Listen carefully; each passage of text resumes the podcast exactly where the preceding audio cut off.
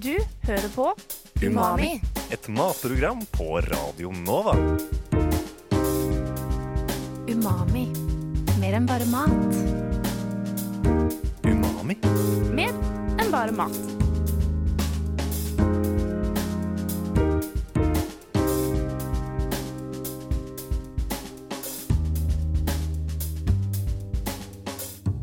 Umami.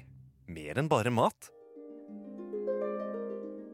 Folk flest elsker vin, og det er kult å tenke på idet man tar en sup av rødvinsglasset, at det har mennesker gjort i flertusener av år. Den deilige blodrøde drikken binder oss sammen, fortid, nåtid og fremtid. Den eldste vingården vi vet om, er fra 4100 før Kristus i gamle Armenia. I år 3100 før Kristus begynte faraoen i Egypt å lage en vinaktig drikke, som pga. blodassosiasjonene den ga, ble brukt i ritualer og seremonier. År 1200 før Kristus begynte jødene å bruke vin i religiøse seremonier også. I Hellas rundt 800 før Kristus begynner de å perfeksjonere vinlagingen. Det oppstår en vingud, Dionysus, og greske bystater begynner å kolonisere og ta med seg vinen til bl.a. Sicilia og resten av Italia. Romerne begynner å ta over, og i 146 før Kristus erobrer de Hellas og får sin egen vingud, Bakos. Romerne planter vindruer i Frankrike, Tyskland, Portugal og Spania og i deler av Sentral-Europa. Vi kan med andre ord takke Det romerske riket for vin. Det romerske riket blir kristent rundt 380, og vin blir også da en stor del av katolske ritualer og sakramenter, og vin sprer seg videre og øker i produksjon. Vi kan altså også takke kristendommen for vin.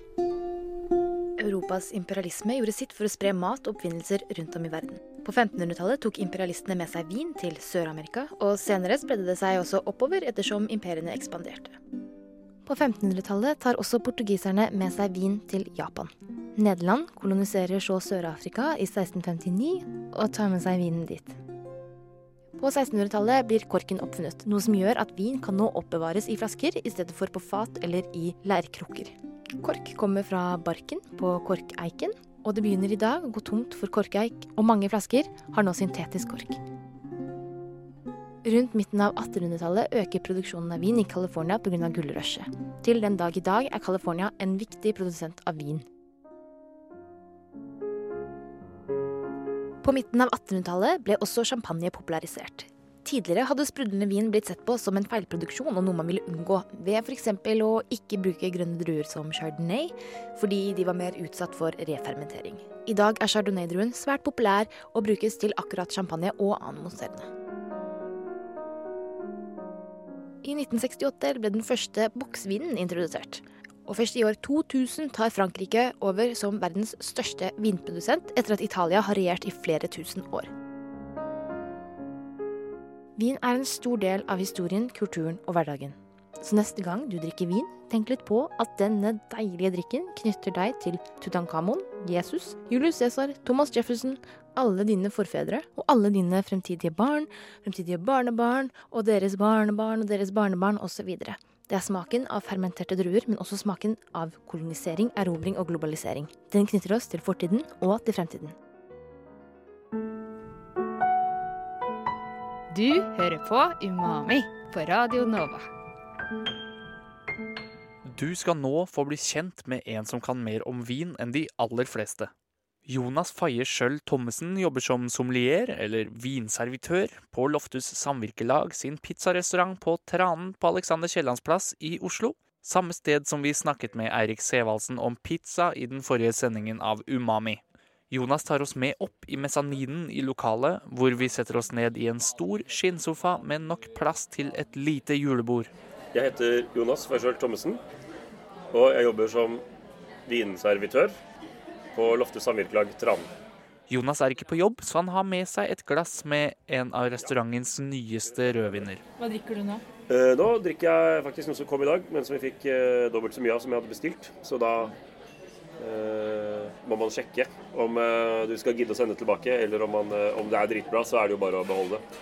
Eh, det er eh, fra en produsent som heter Matassa i Sør-Frankrike. Eh, og så er det deres eh, Brutal kuvé, som er en slags sånn Hva skal man si? Blir vel nesten et slags brand som lages av forskjellige produsenter. Eh, eh, som lager altså, naturvinsprodusenter som har en sånn brutal kuvé. Og det skulle liksom være den feteste greiene.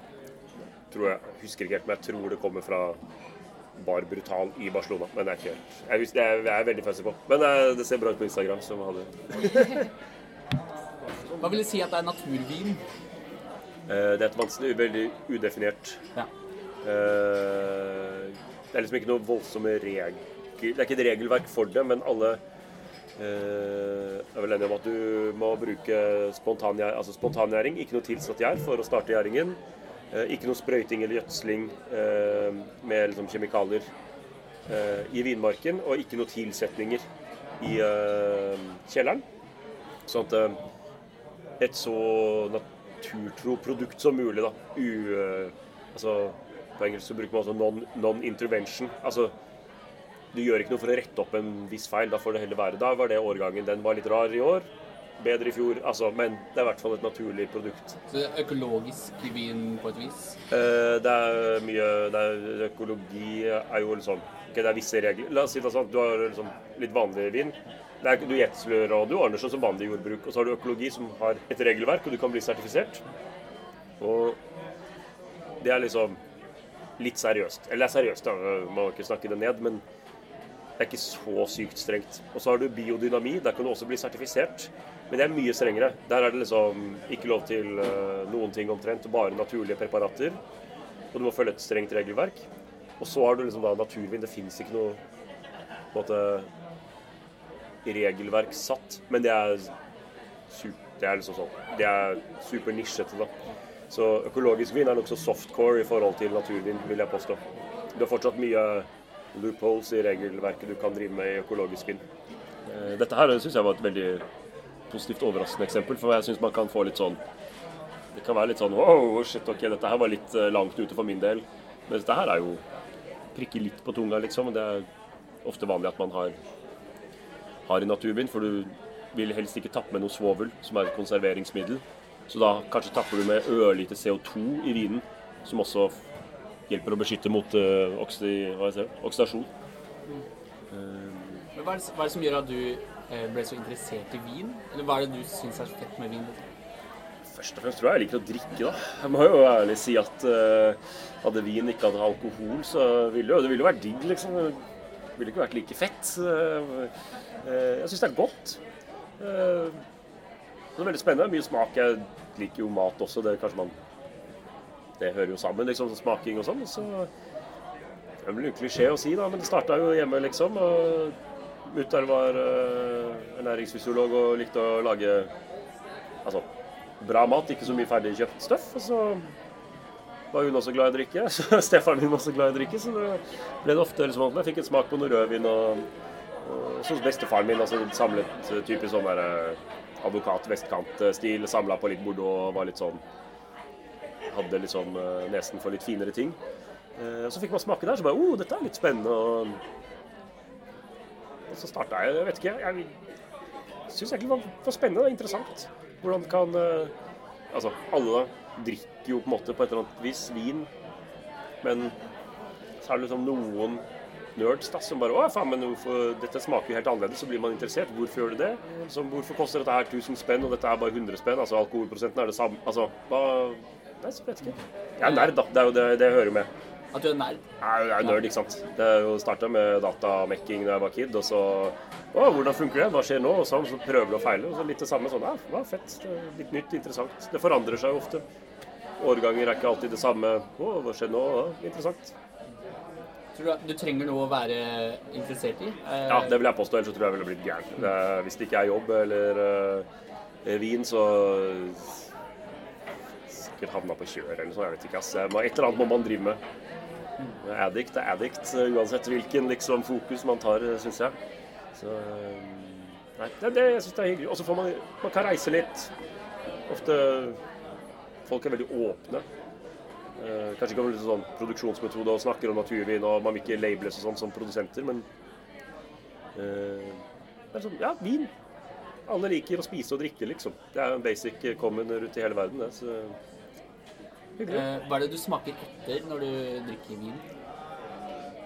Eh, først og fremst om det er digg. Er det godt? Det er det ultimate. Er sånn, liker du det? Ja eller nei?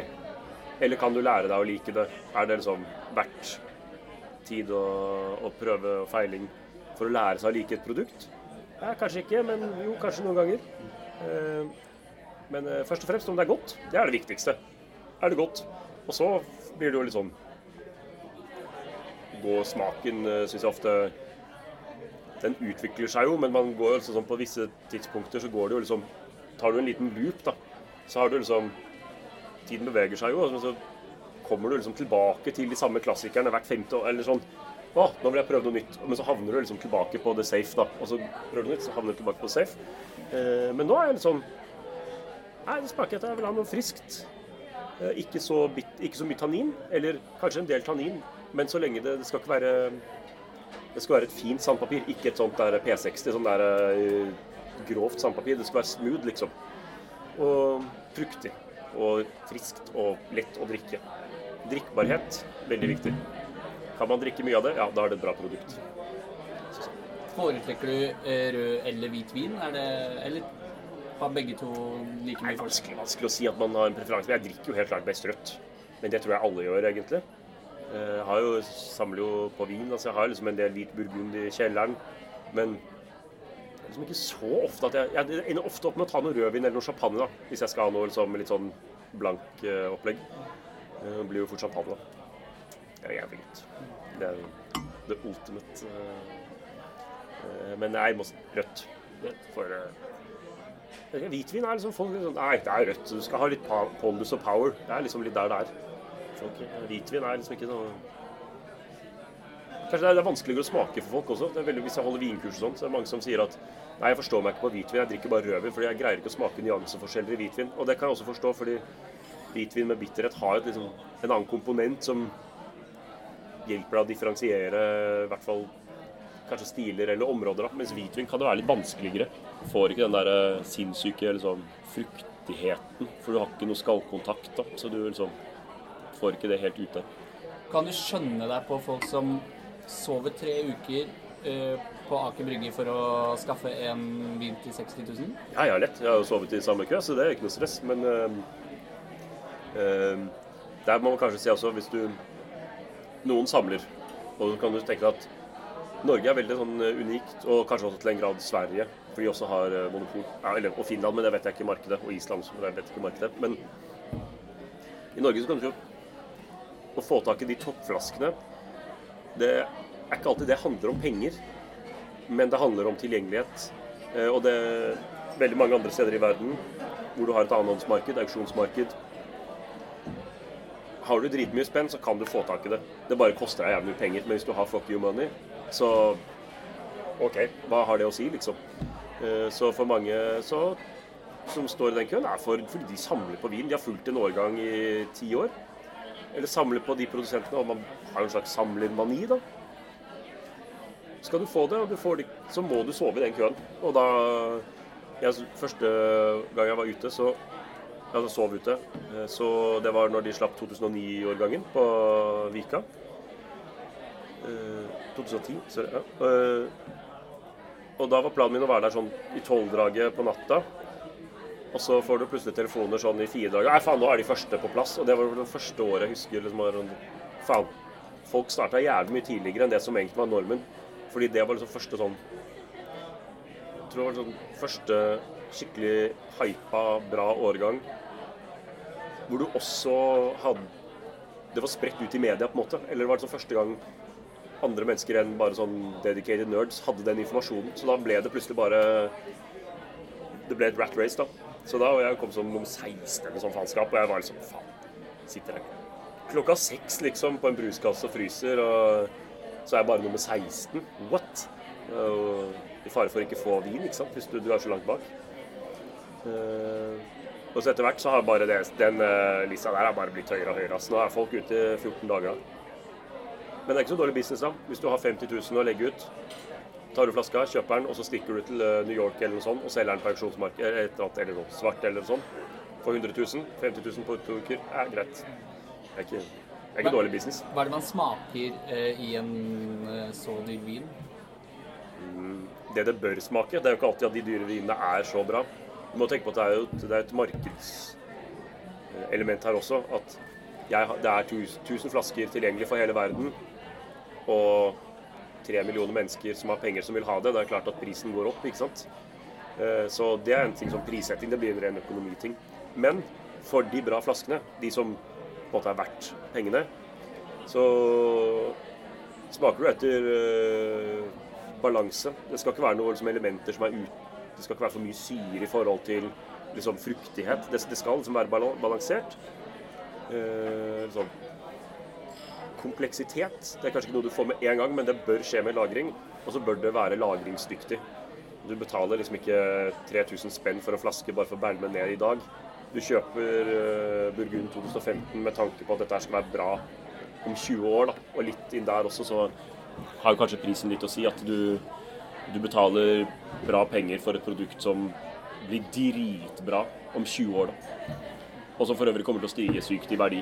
Hvis man skal finne en digg vin på polet Det er utrolig mye forskjellig å velge i, men hva er det, er det noe spesielt man kan se etter for å finne noe som skiller seg litt ut? Nei, jeg syns det er vanskelig. Det er eh, Altså Man kan ikke gå etter etiketter eller pris eller område. Det er liksom Jeg ville sagt sånn, sånn OK, hvis du leter etter noe nytt, litt nytt, så ville jeg spurt de som er der. Det er jo selvfølgelig Som med alle andre mennesker, så er det jo varierende grad av interesse og kunnskap hos de som jobber på polet, men sånn generelt sett så er det, er det bra. Jeg har drevet med opplæring i polet også, så det er jo liksom Jeg må jo si at det er bra, for jeg har jo stått der og preached the gospel selv. Um, men um, jeg ville spurt.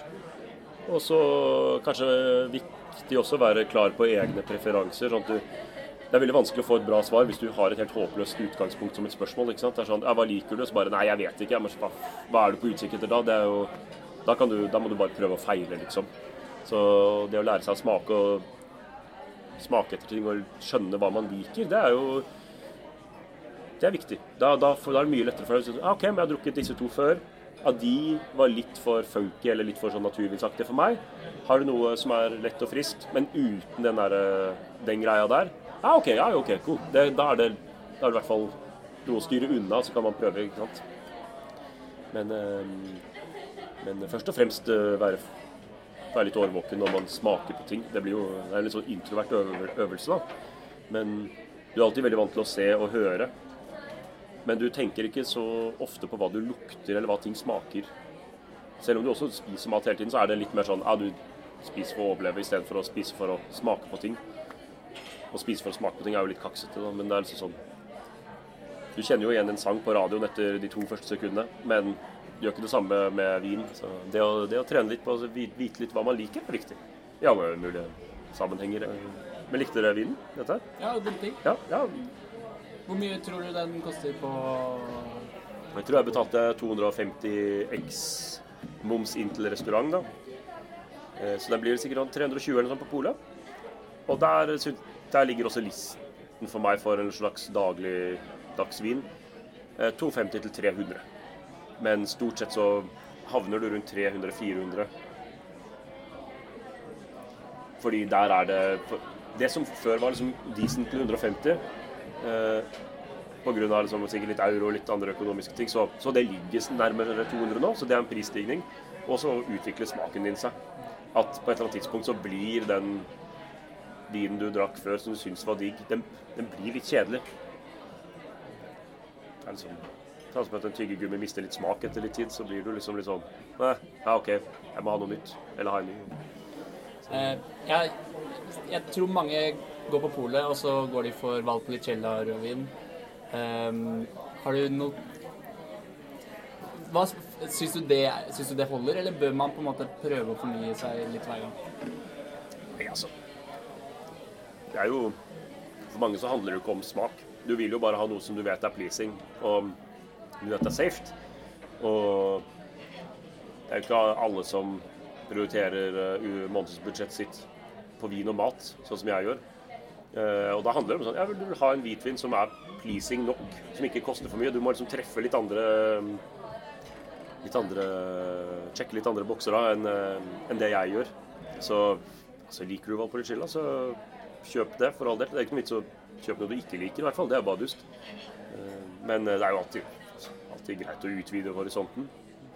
Men veldig mange som gjør det etter å ha lest avis eller anbefaling, eller fått det anbefalt av noen de stoler på, eller liksom drukket en vin i et annet uh, middagsselskap hvor noen som liksom Nei, dette her liker jeg. Å, det var spennende, det vil jeg prøve. Og så liksom prøve noe nytt, da. Men altså. Det er lett og frist. Lite tannin. Mye av jobben din er, er vel å um, anbefale riktig vin til riktig mat? Eh, ja, normalt sett så ville det vært det. Men uh, på pizza så Ja. er jeg litt sånn Jeg blir litt jeg blir litt sært. Eller sånn Ja, du trenger den vinen til den pizza. Det er, det er brød og smelta ost, liksom. Nei. Drikk noe du liker, og noe som ikke krasjer fatalt til pizzaen. Uh, og så er jeg altfor dårlig til å selge ting. Det er sånn En pils er også godt til pizza. Jeg syns det, det er liksom, det er liksom jeg orker ikke å pushe så mye på sånne ting. Men uh, hvis man spør, så er det selvfølgelig sånn Ja, ja, nei, dette her syns jeg er bra til dette her. Dette funker bra til dette her. Uh, har du prøvd dette? Uh, og så litt av min eller utfordringen her er jo at vi har veldig mye fet vin.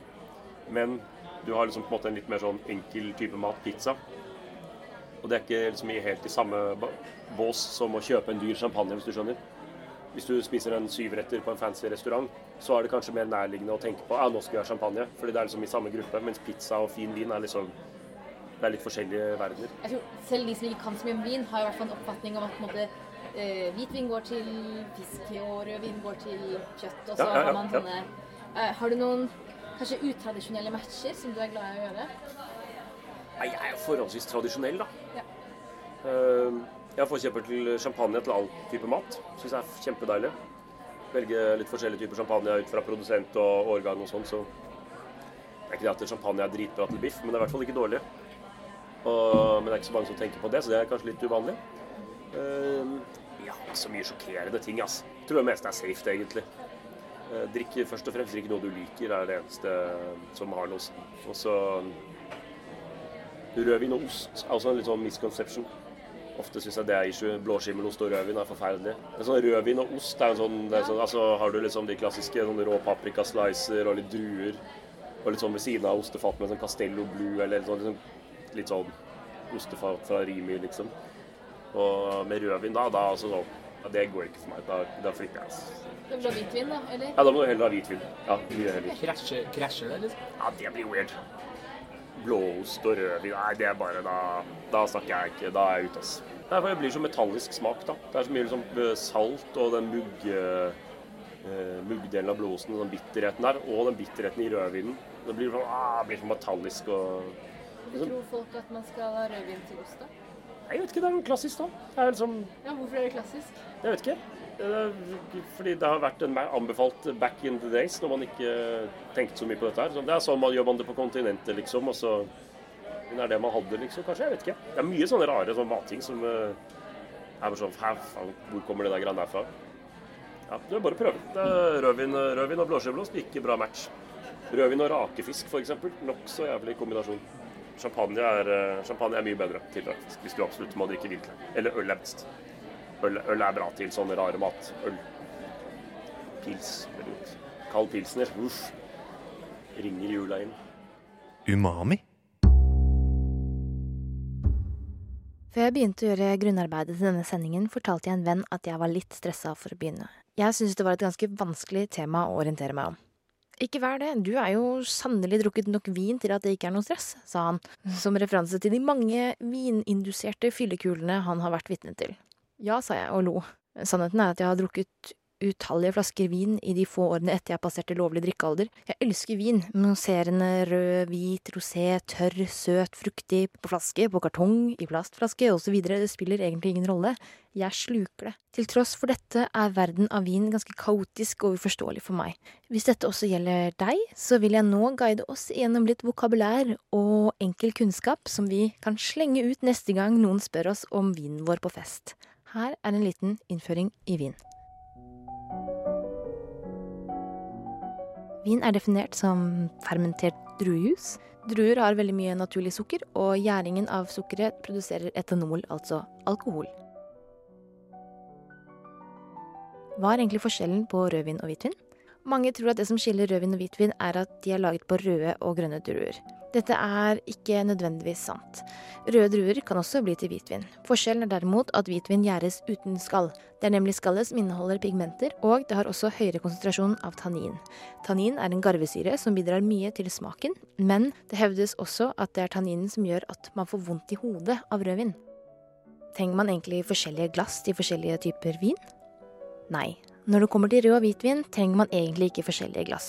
Du trenger i hvert fall ikke forskjellige glass til forskjellige typer vin, til tross for at markedsføring vil få deg til å tro at pinot noir smaker bedre i pinot noir-glass.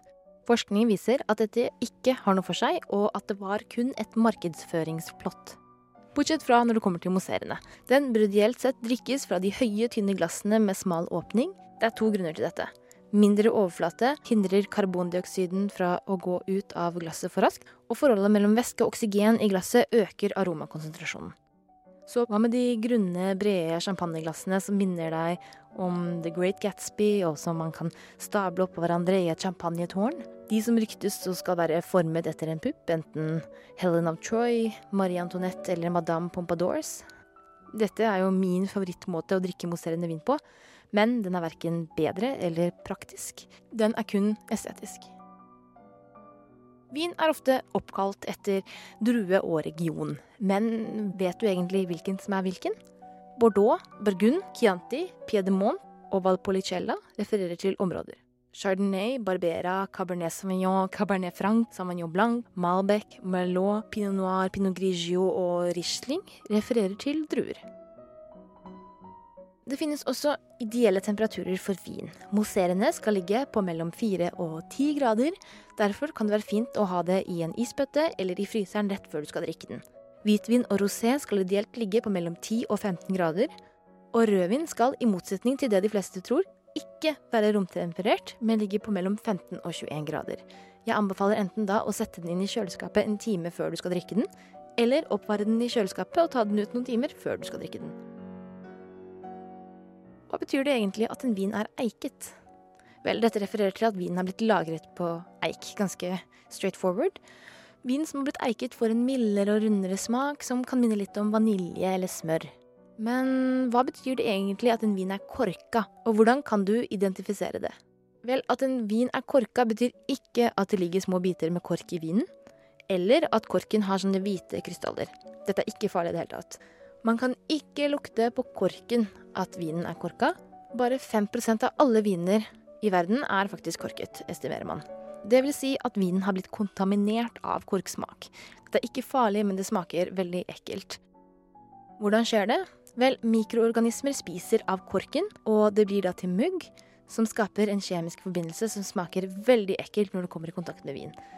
Det vil lukte som en ekkel, gammel muggen kjeller, og vil smake flatt og ikke noe fruktig i det hele tatt. Er vin egentlig vegansk? Nei, all vin er ikke vegansk. Når man produserer vin, er den i utgangspunktet ikke helt klar, slik som vi er vant med å se den.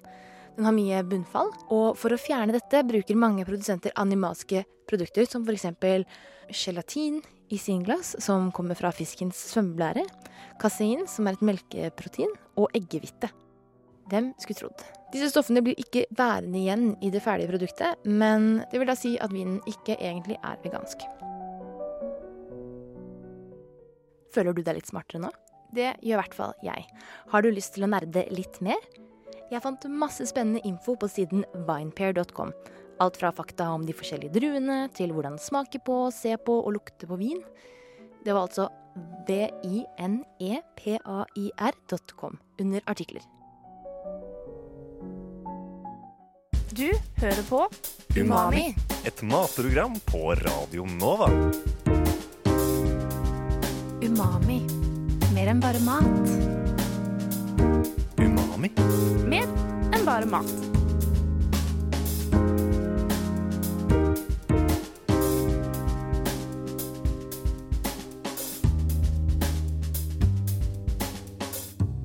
Umami.